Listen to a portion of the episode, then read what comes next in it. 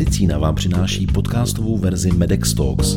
Poslechněte si skutečné životní příběhy lidí, kteří dokázali zvládnout obtížnou situaci. Jejich vyprávění inspiruje a motivuje ostatní a ukazuje cestu k naději. Já jsem Jiří Pešina a přeji vám příjemný poslech.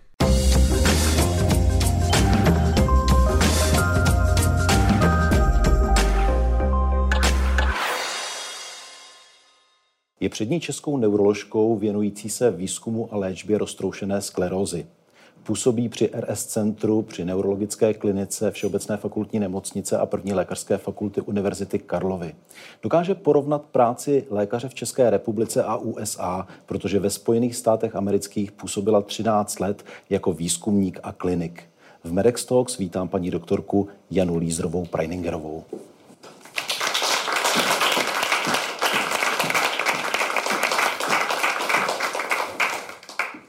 Dobrý večer. V Medexu vystupují lidé, kteří mají co říci. A pane doktore, od té doby, co jste mě pozval, tak já usilovně přemýšlím o tom, jestli mám nějakou velkou myšlenku, kterou bych vlastně tady měla reprezentovat.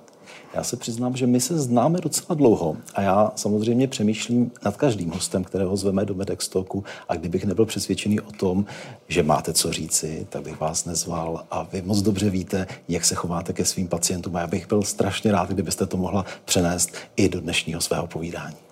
To je od vás strašně laskavé. To je, a také to je velká, uh, velká role. Uh, protože já nemohu si myslet, že bych mohla být někomu vzorem, nebo že bych mohla uh, vystupovat jako někdo, kdo něco překonal. Protože já mám pocit, že můj život je relativně velmi lehký.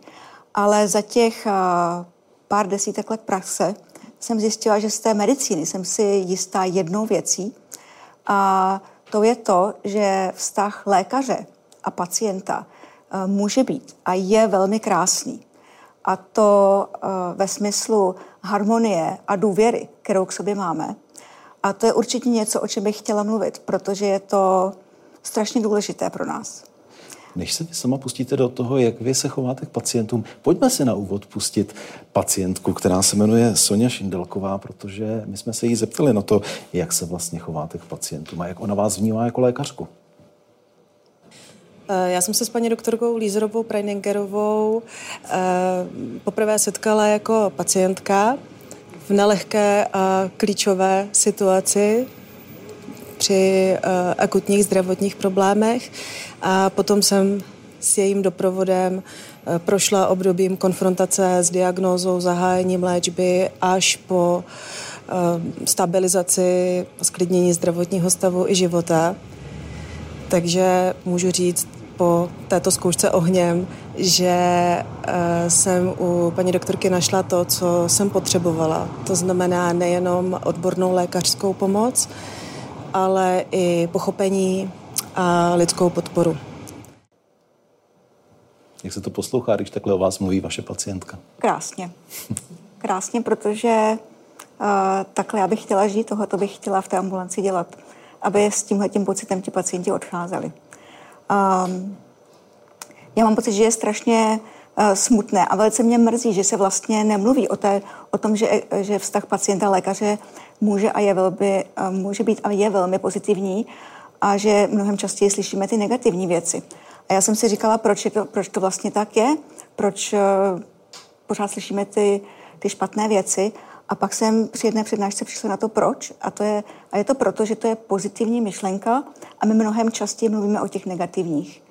A já jsem na to přišla na přednášce a, pana Špačka o dobrém vychování a o tom, jak je důležité si udržet dobrou reputaci, protože jakmile, když se nám stane něco dobrého, no, tak to zmíníme někomu, ale my si v medicíně taky nevykládáme o těch jednoduchých případech, které dobře vyšly a pacient odešel, odešel s úsměvem. My si povídáme hlavně o těch konfliktech, o těch negativních věcech.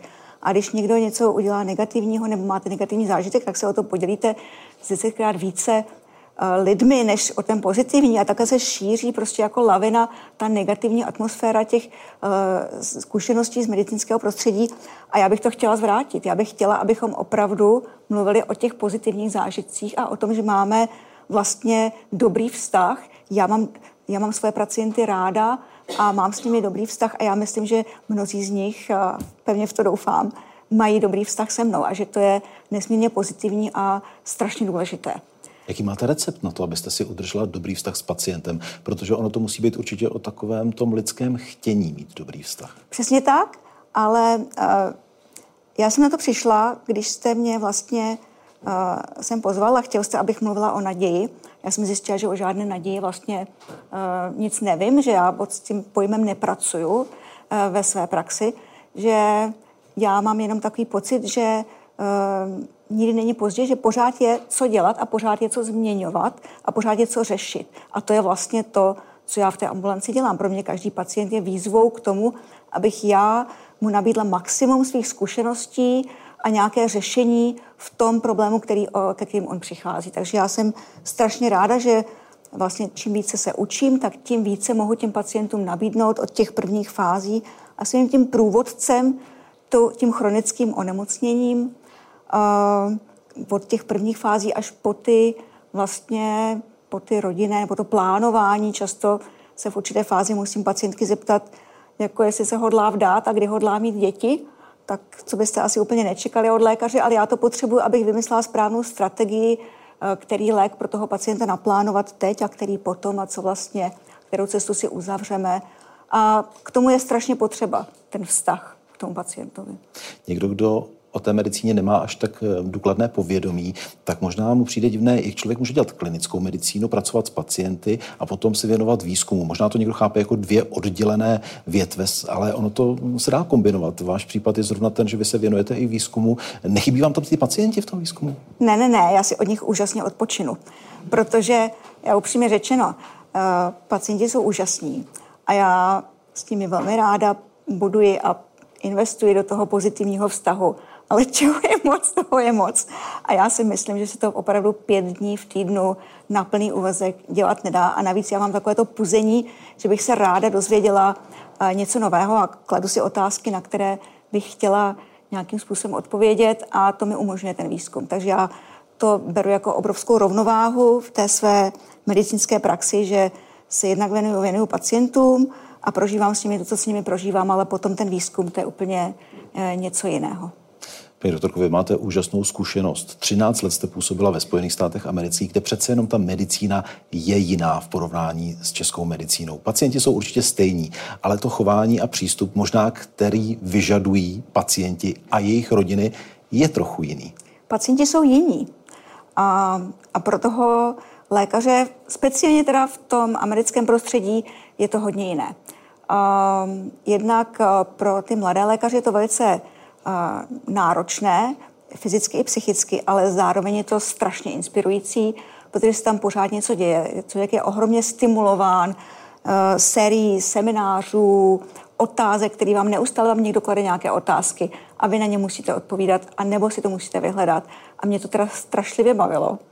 A strašně mě bavilo tam uh, právě dělat ve výzkumu, který mě ohromně obohacoval.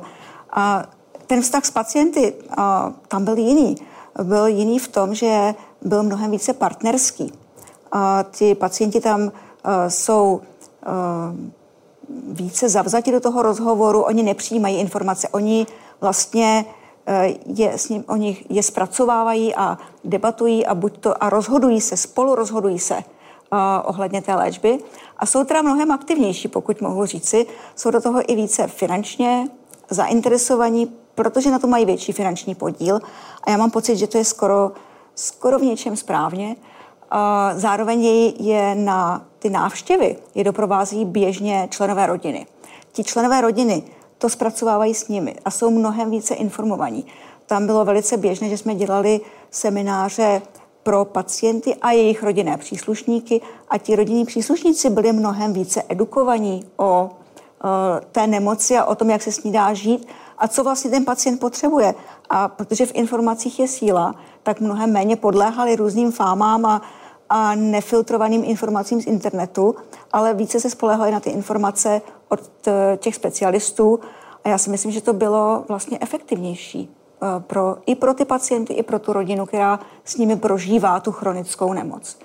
Máte ráda informovaného pacienta, teď myslím českého, který přijde k vám do ambulance, vy ho vidíte poprvé a on má nastudováno z různých zdrojů, kde ty zdroje, zdroje mohou být správné, ale mohou být také zavádějící až mylné.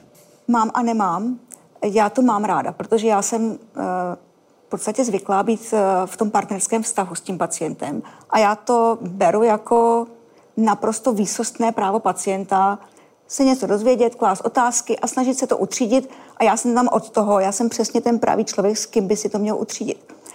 Problém je, když na to mám 10 eh, minut.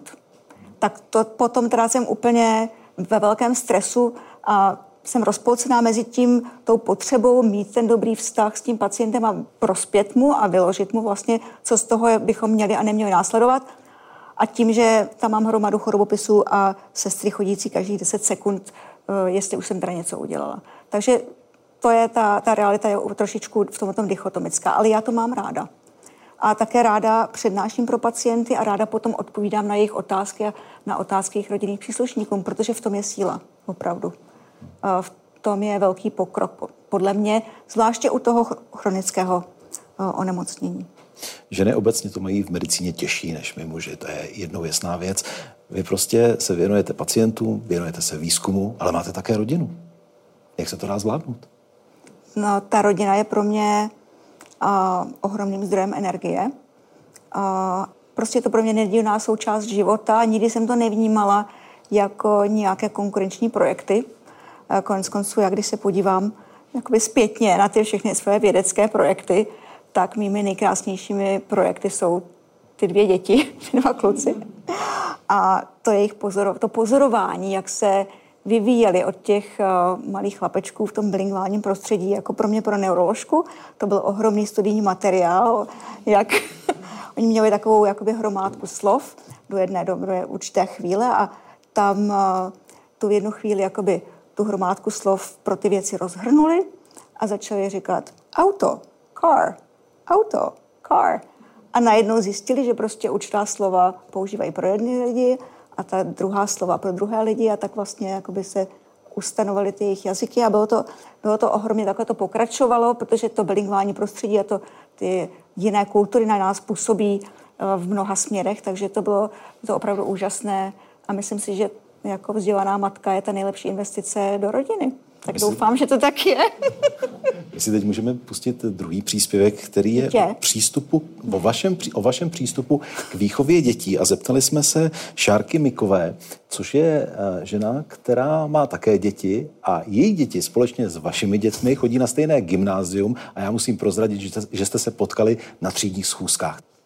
No, často rodiče dělají to, že mají nějakou svoji představu, co je pro ty jejich děti dobré, ale Jana myslím si, že má ten dar netrpět tou představou, ale uh, vlastně hledat ten potenciál a reagovat na to, jaké ty děti jsou a co potřebují. A uh, to si myslím, že není úplně běžné, že se nedrží z nějakého svého záměru, ale nabízí dětem to, co, k čemu oni sami vlastně tíhnou. To je dobrý. Já doufám, že to tak taky vidí ty děti, jo. těch jste se naštěstí nezeptali, doufám. Ty tam nemáme. To je dobře. No. Ale jak to funguje? Jak byste poradila rodičům, aby aplikovali podobný způsob? Máte nějaké takové triky, které používáte, které opravdu fungují ve výchově? Respekt. Respekt partnerství, vlastně trošku podobně jako s těmi pacienty. Prostě ten respekt, to jsou vyvíjející se osobnosti a já tady nejsem o to, abych je dirigovala, korigovala, já jsem o to, abych jim poskytovala informace a abych jim umožňovala je zpracovávat, abych jim poskytovala nějaký, nějaké limity, eh, ve kterých bych si přála, aby se pohybovali. A ono se to opravdu moc neliší od těch pacientů. Vlastně uh, jenom taková opora, uh, podpora a opora toho, uh, na co mají ambice a co chtějí dělat.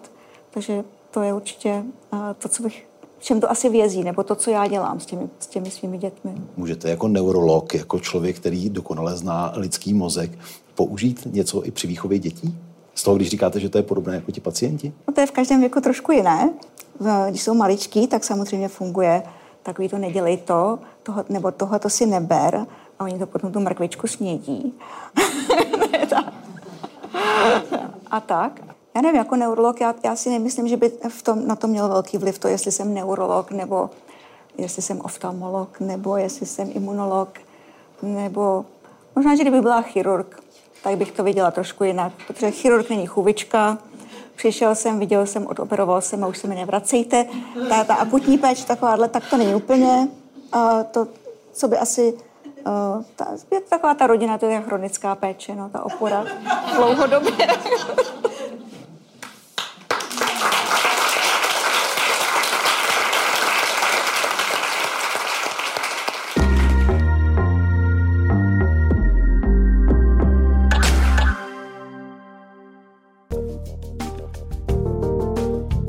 To je z dnešního podcastu všechno.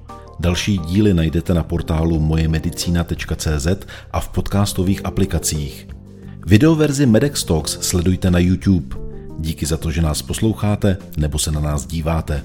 Naslyšenou příště se těší Jiří Pešina.